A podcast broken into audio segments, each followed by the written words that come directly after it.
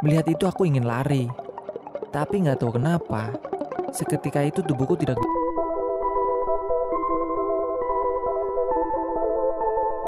Selamat malam, selamat siang, atau selamat pagi. Balik lagi bersama mahasiswa siluman. Belakangan ini, di Indonesia memang sedang musimnya orang menikah. Lalu apa jadinya jika manusia menikah dengan makhluk gaib? Seperti cerita kali ini. Kita akan menceritakan pengalaman seorang pendaki yang mendaki Gunung Arjuna bersama temannya. Hanya mendaki dua orang saja di mana dia akan dijadikan mantu oleh salah satu makhluk gaib di Gunung Arjuno. Sosok yang dijodohkan dan akan dijadikan istri tersebut sangatlah cantik. Tapi, apakah pendaki ini mau untuk menjadi mantu makhluk gaib gunung tersebut? Untuk lebih jelasnya, langsung saja cerita. Tapi sebelum itu, jangan lupa untuk subscribe bagi yang belum dan aktifkan tombol notifikasinya sebagai bentuk dukungan untuk channel ini. Siapkan tempat, posisi, dan suasana yang nyaman, dan selamat mendengarkan. Kejadian ini tepatnya pada tahun 2016. Aku, sebut saja Jeffrey, dan Haris adalah teman dekat sewaktu sekolah. Tapi setelah kelulusan sekolah kami, berpisah karena si harus ikut bibinya di kota M untuk melanjutkan studinya. Sementara aku masih tetap tinggal di kotaku sendiri. Waktu itu aku sedang ngasik scroll-scroll beranda Facebookku. Dan tidak sengaja, aku melihat postingan si Haris yang sedang berada di gunung. Aku coba stalking album fotonya. Ternyata, Haris sering banget mendaki gunung. Melihat itu, aku coba menghubungi Haris melalui messenger untuk bertanya kabar. Di sisi lain, Aku juga ingin menyambung tali silaturahmi sama Haris. Setelah aku kirim pesan ke Haris, ternyata dibalas. Ternyata dia masih ingat denganku. Aku pun bertanya pada Haris tentang foto-foto yang diunggahnya ke Facebook itu. Ternyata Haris yang sekarang suka dengan kegiatan mendaki gunung, dan dia juga sudah tergabung dengan Mapala di kampusnya. Aku yang suka dengan kegiatan mendaki menawari Haris untuk mendaki bareng. Sekalian temu kangen karena udah sekitar dua tahun kami nggak ketemu. Dengan senang hati, Haris menerima tawaranku dan kami berunding ke mana kami harus mendaki. Setelah berunding melalui telepon, akhirnya kami memutuskan untuk mendaki Gunung Arjuno. Singkat cerita, setelah dua minggu kemudian, kami berangkat. Karena tempat tinggal kami berbeda jalur, kami janjian ketemu di Pasar Lawang karena jalur yang akan kami lalui adalah lawang. Itu berkat saran dari Haris yang sebelumnya sudah pernah melewati jalur ini bersama teman kampusnya. Jalur lawang itu terkenal sepi karena kebanyakan pendaki Arjuno lebih memilih jalur Purwosari dan Tretes. Tapi di jalur lawang, nuansa alamnya masih sangat asri. Dan itulah yang menjadi alasan kenapa Haris mengajakku melalui jalur ini. Kurang lebih siang hari, kami bertemu di sebuah warung makan di Pasar Lawang. Setelah bertemu, kami senang sekali karena aku tidak menyangka kalau kami sekarang satu hobi. Dan karena hari masih siang, kami nongkrong dulu di warung itu untuk makan, ngopi, dan membeli logistik yang diperlukan. Setelah selesai, kami lanjutkan jalan menuju base camp. Hingga sampai di base camp sekitar jam 4 sore. Sesampai di situ, kami mengurusi Maksi dan berangkat sore itu juga. Mulai berjalan dengan langkah pelan. Di sepanjang jalan, kami saling bergurau, membahas masa-masa sekolah dulu, dan tidak terasa hari sudah mulai gelap ketika kami sampai di pos 2. Di pos 2, Haris menyarankan untuk bermalam dan melanjutkan perjalanan ini besok. Karena di sisi lain, aku juga capek karena perjalanan menuju ke base camp tadi lumayan menguras tenaga. Malam itu kami tidak mendirikan tenda dan memutuskan tidur di dalam shelter. Karena kebetulan malam itu pos 2 sepi, tidak ada pendaki sama sekali. Kami memasak mie instan untuk makan malam dan tidak lupa membuat kopi. untuk dinikmati setelah makan nanti.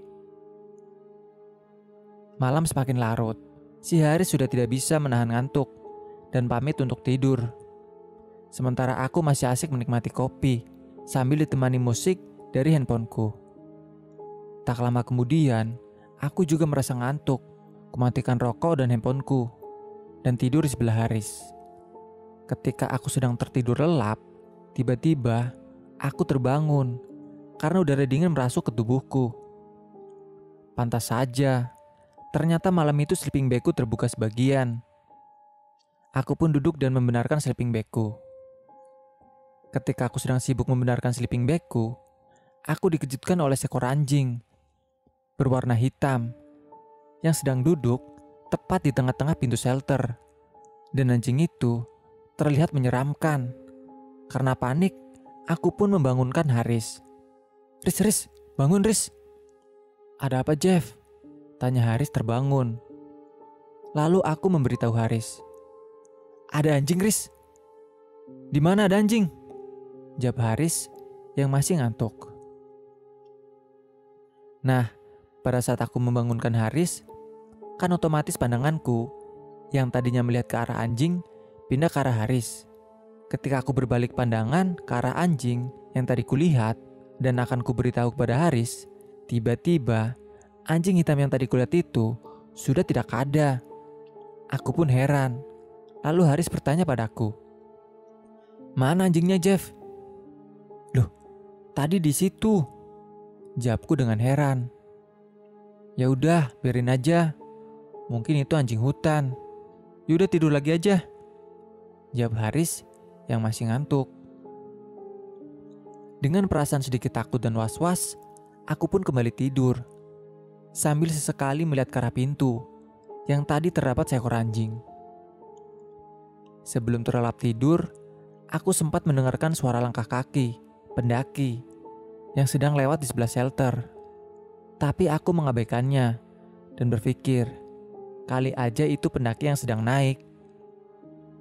Sekitar jam 6 pagi, Haris membangunkanku setelah bangun, kami membuat sarapan untuk mengisi tenaga karena habis ini kami akan melanjutkan perjalanan. Setelah selesai sarapan, kami berkemas-kemas dan melanjutkan perjalanan hingga sampai di pos 3. Waktu itu sekitar jam 11 siang. Di pos 3, kami istirahat lumayan lama. Karena perjalanan dari pos 2 ke pos 3 lumayan menguras tenaga. Dan setelah kurang 30 menit, Kemudian kami lanjut berjalan lagi. Ketika sedang berjalan meninggalkan pos 3, tepatnya di sela-sela hutan pinus, aku sempat melihat ada anjing hitam yang sedang duduk melihat ke arah kami. Aku pun berpikir, apakah itu anjing yang semalam aku lihat? Melihat itu aku memberitahu Haris. Riz, lihat, itu ada anjing. Biarin aja, anjing hitam itu. Jawab Haris dengan tenang. Aku pun mengabaikannya, tapi dalam hati aku berkata, "Kok ada ya anjing hidup di hutan? Memangnya mau makan apa di hutan gini?" Tak lama kami berjalan, sekitar 10 menit, aku melihat anjing itu lagi di sela-sela semak. Aku pun bilang lagi kepada Haris, "Riz, itu kayaknya anjing yang tadi deh. Lagi cari makan mungkin." Jawab Haris tenang. Anehnya, di sepanjang perjalanan, aku terus melihat anjing itu mengikuti perjalanan kami dan mengawasi kami. Seakan-akan ada sesuatu di dalam diri kami, sehingga anjing itu terus mengikuti. Aku sudah merasa takut waktu itu, tapi melihat Haris yang tenang-tenang aja, aku pun mencoba untuk ikut tenang. Tidak terasa, Sampailah kami di sebuah area yang dinamakan Alas Gombes ketika matahari sudah akan tenggelam. Di Gombes, terlihat ada beberapa rombongan yang sedang ngecamp dan aku merasa sedikit lega. Syukurlah kami bisa bertemu rombongan lainnya karena sejujurnya setelah melihat seekor anjing itu, aku sedikit ketakutan. Kami menyapa rombongan pendaki lain itu dan berniat bermalam di situ. Lalu kami mendirikan tenda di dekat rombongan pendaki lain itu. Setelah selesai mendirikan tenda, kami saling mengobrol dengan rombongan itu dan berencana ikut gabung summit besok. Malam itu kami tidur lebih awal untuk menghemat energi karena besok jam 5 pagi harus summit ke puncak. Pagi pun tiba. Sekitar jam 5 pagi, kami dan semua rombongan yang ada di situ pun bangun.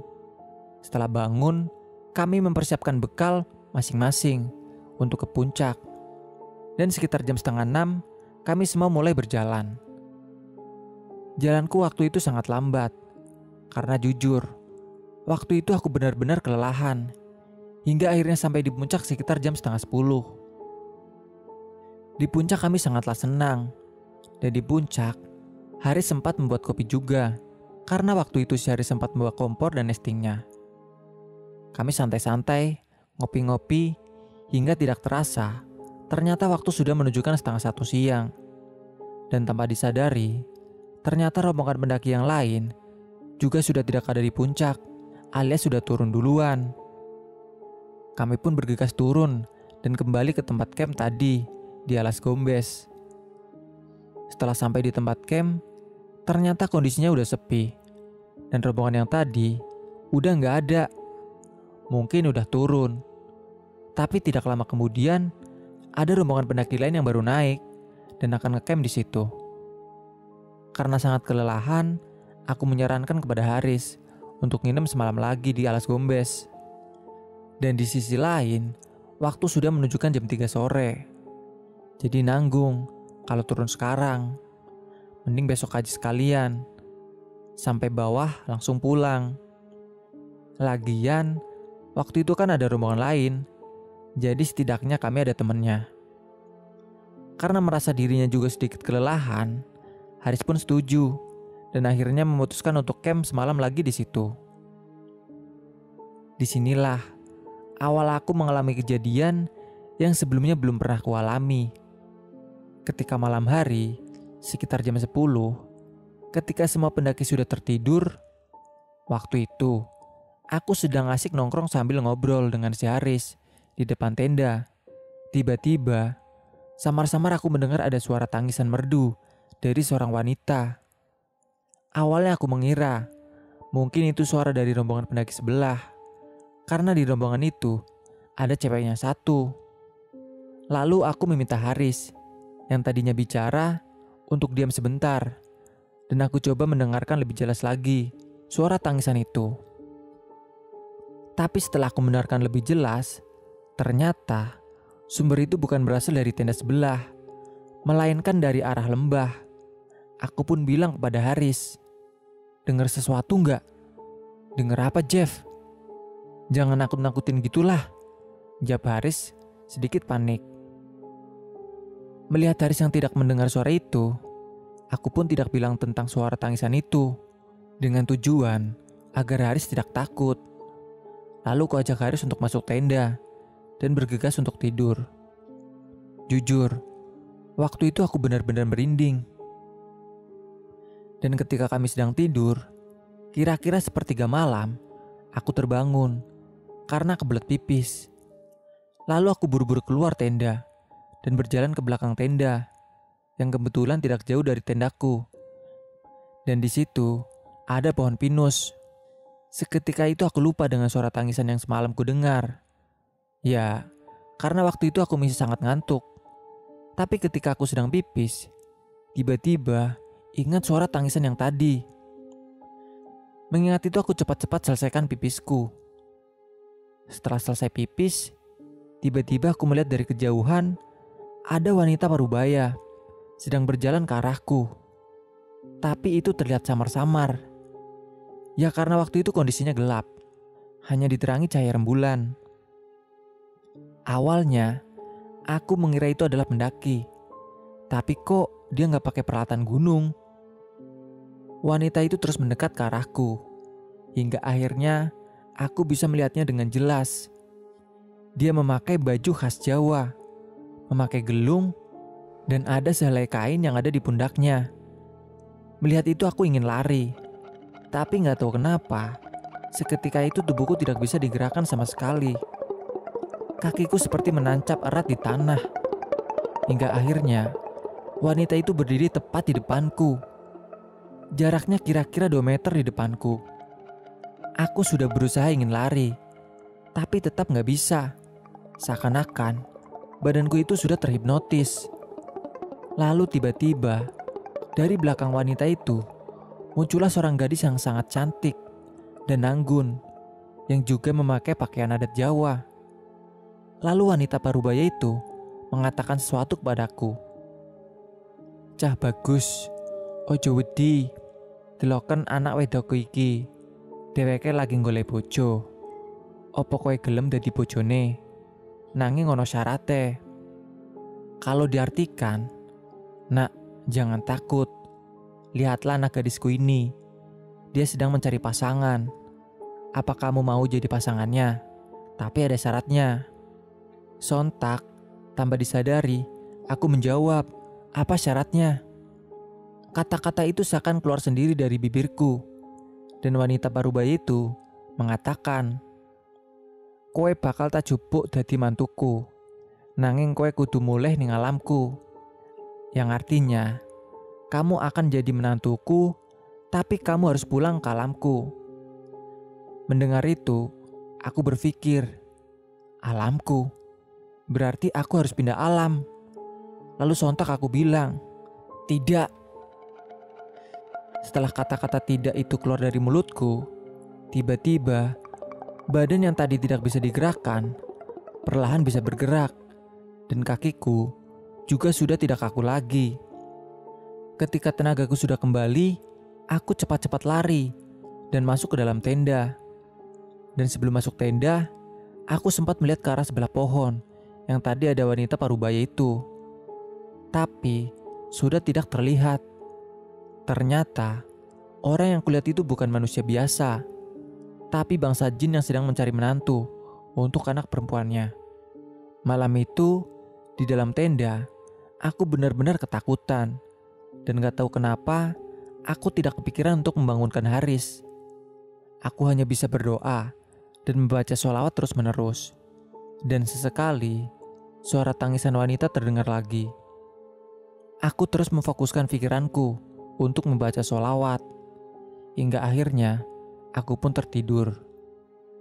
Tapi kejadian mistis ini belum selesai sampai di sini. Jadi, waktu itu kami seakan ditahan agar tidak pulang dari gunung ini. Keesokan harinya, kami bangun karena mendengar suara anjing menggonggong sangat keras dari sebelah tenda. Tapi kami berdua benar-benar terkejut setelah bangun dan melihat jam yang sudah menunjukkan jam 4 sore. Ternyata waktu itu aku dan Haris tidur seharian penuh. Awalnya aku mengira ini jam 4 pagi. Tapi setelah kulihat keluar, ternyata ini memang benar-benar jam 4 sore. Haris yang tidak tahu apa-apa juga merasa heran. Kok bisa tidur seharian? Setelah melihat waktu, sudah jam 4 sore, kami bergegas mengemasi barang-barang kami dan turun sore itu juga. Sore itu, kondisi tempat camp kami terlihat sepi. Mungkin rombongan sebelah semalam sudah turun lebih dulu. Ketika sedang sibuk beres-beres, sesekali aku melihat ke arah wanita yang semalam kutemui. Dan ketika aku melihat ke arah itu, bulu kuduku langsung berdiri. Sebenarnya waktu itu aku ingin bilang kepada Haris tentang apa yang kulihat semalam, tapi tidak jadi. Dan aku hanya bilang, ini udah gak beres, Riz. Sekarang kita harus cepat-cepat turun dan harus sampai di bawah sore ini. Aku ingin cepat-cepat sampai di bawah sebelum malam. Karena aku takut kejadian semalam akan terulang lagi. Kami mulai berjalan turun. Dan waktu itu, jalan kami cepat banget. Di tengah-tengah perjalanan menuju pos 3, tiba-tiba kaki Haris kram. Aku yang tadi berjalan di depan, balik untuk memberi pertolongan kepada Haris. Aku berniat memijat kakinya Haris yang sedang kram itu. Ketika aku pegang kakinya, aku benar-benar kaget.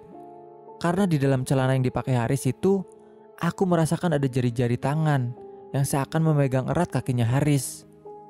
Sontak aku melepaskan tanganku yang tadinya memegang kakinya Haris sambil nyebut Astagfirullah. Melihatku yang sedang kaget, Haris bertanya, Kenapa Jeff? Gak apa-apa Riz, aku hampir kepleset.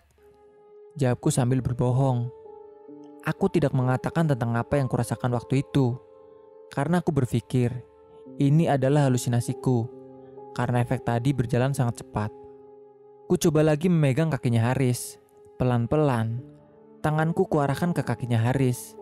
Tapi ketika ku pegang, yang kedua kalinya, ternyata jari-jari tangan yang tadi kurasakan itu sudah tidak ada. Dan aku lalu memijit kakinya Haris yang sedang kram itu. Setelah selesai kubijit, kami istirahat dulu. Karena waktu itu kakinya Haris masih susah untuk berjalan. 30 menit kemudian, aku bertanya pada Haris. Gimana Haris? Udah enakan? Udah Jeff, ayo lanjut jalan. Jawab Haris. Kami pun lanjut berjalan. Tapi, sekitar 15 menit kemudian, Tiba-tiba kakinya Haris kram lagi. Padahal itu udah hampir sampai di pos 3. Aku pun memberi pertolongan lagi kepada Haris. Dan kali ini, aku was-was ketika akan memegang kakinya Haris. Karena takut kejadian yang tadi terulang lagi. Sambil berdoa, dengan cepat, aku memegang kakinya Haris. Aku merasakan kakinya Haris ini keras banget. Jadi yang gue pegang waktu itu seperti bukan kaki, tapi serasa memegang sebuah kayu. Nah, waktu itu kan posisi telapak kakinya Haris ada di perutku. Tiba-tiba, aku melihat di sela-sela celananya Haris itu ada sebuah rambut. Awalnya aku mengira itu adalah bulu kakinya Haris. Tapi setelah kulihat-lihat, ternyata itu bukan bulu kaki. Tapi memang sebuah rambut. Dan rambut itu terlihat seperti melilit di kakinya Haris. Aku pelan-pelan menurunkan kakinya Haris dan dalam hati terus membaca sholawat. Tidak lama kemudian, kami lanjut berjalan dan kami sempat berhenti sebentar di pos 3 untuk mengambil senter di dalam tas. Karena sampai di pos 3 itu sudah mulai gelap. Setelah senter sudah siap, kami lanjut berjalan dengan posisi yang sama. Aku di depan dan Haris di belakang. Kejadian mistis kembali dialami ketika kami berjalan dari pos 3 menuju pos 2. Di tengah-tengah rumput alang-alang yang luas, tiba-tiba kabut tebal datang. Dan dari kejauhan, samar-samar aku melihat wanita parubaya itu yang semalam kulihat di alas gombes, sedang berdiri, melambaikan tangan kepadaku. Baju yang dipakainya masih sama persis. Tapi kali ini, wanita itu didampingi oleh banyak orang di sekelilingnya seakan mengajakku untuk berjalan ke arahnya. Seketika itu aku seperti hipnotis lagi, dan tanpa disadari, jalanku berbelok ke arah wanita itu. Tapi melihat jalanku yang berbelok, dari belakang, Haris menahanku sambil bilang, Jeff, kamu mau ke mana? Jalannya ke sini. Mendengar perkataan si Haris, tiba-tiba aku sadar dan menoleh ke Haris. Lalu aku melihat lagi ke arah wanita yang tadi kulihat. Ternyata sudah tidak ada. Yang ada hanyalah kabut tebal yang menyelimuti perjalanan kami. Karena aku tidak menjawab, Haris bertanya lagi. Jeff, inget Jeff, nyebut. Kamu kenapa? Baru aku menjawab. Udah Haris, yang penting sekarang kita harus cepat-cepat sampai di bawah. Nanti aku ceritain semua. Mendengar jawabanku, Haris pun merinding. Dia sudah mengira kalau aku melihat sesuatu yang gak logis.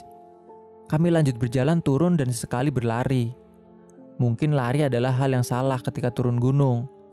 Tapi waktu itu, kami ingin segera sampai di bawah. Singkat cerita, sekitar jam 7 malam, kami sampai di base camp. Dan di base camp, kami bertemu dengan pendaki yang kemarin ngecamp bareng di alas gombes. Pendaki itu bertanya pada kami berdua, Loh mas, Tak kira udah turun duluan loh. Ternyata baru sampai di sini. Mendengar pertanyaan dari pendaki lain, aku dan Haris heran. Kemudian Haris bertanya balik. Memangnya sampean tadi turun jam berapa? Habis dari puncak, kami langsung turun sekitar jam 12 siang. Jawab pendaki lain. Loh, apa nggak ngeliat tenda saya di Gombes? Tanya Haris. Nggak ada tenda mas, Tak kirain sampean udah turun duluan tadi siang. Dia pendaki itu. Mendengar pertanyaan dari pendaki itu, aku dan Hari saling menatap heran. Lalu ku bilang pada pendaki lain itu dengan berbohong. Oh iya, kami sempat istirahat dan tidur di pos 2 tadi mas. Lalu kami berdua pamit turun duluan dari base camp. Dan malam itu, aku menginap di rumahnya Haris. Setelah sampai di rumah, Haris bertanya padaku tentang apa yang kulihat selama di Gunung Arjuno. Lalu aku bercerita semua tentang apa yang kulihat selama berada di Gunung Arjuno. Waktu itu, terlebih tentang wanita parubaya yang sempat menawariku menjadi menantunya. Ketika sedang asik bercerita, tiba-tiba aku ingat sesuatu. Kalau sore itu, kami terbangun gara-gara mendengar suara anjing. Tapi waktu itu aku dan Haris tidak melihat ada anjing sama sekali. Andaikan waktu itu aku mau jadi menantunya, wanita parubaya itu, mungkin sekarang aku sudah tinggal di alam lain dan tidak bisa pulang. Pendakian ini menjadi pendakian yang tidak bisa aku lupakan.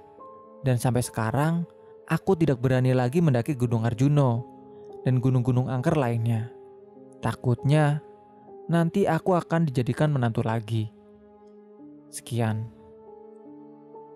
Jika kalian punya cerita seram atau mistis yang ingin kalian bagi, kalian bisa kirim cerita kalian melalui DM Instagram atau kirim melalui email yang tertera di bawah. Jangan lupa like dan share-nya. Sampai jumpa di video kami selanjutnya. Salam lestari, mahasiswa, siluman.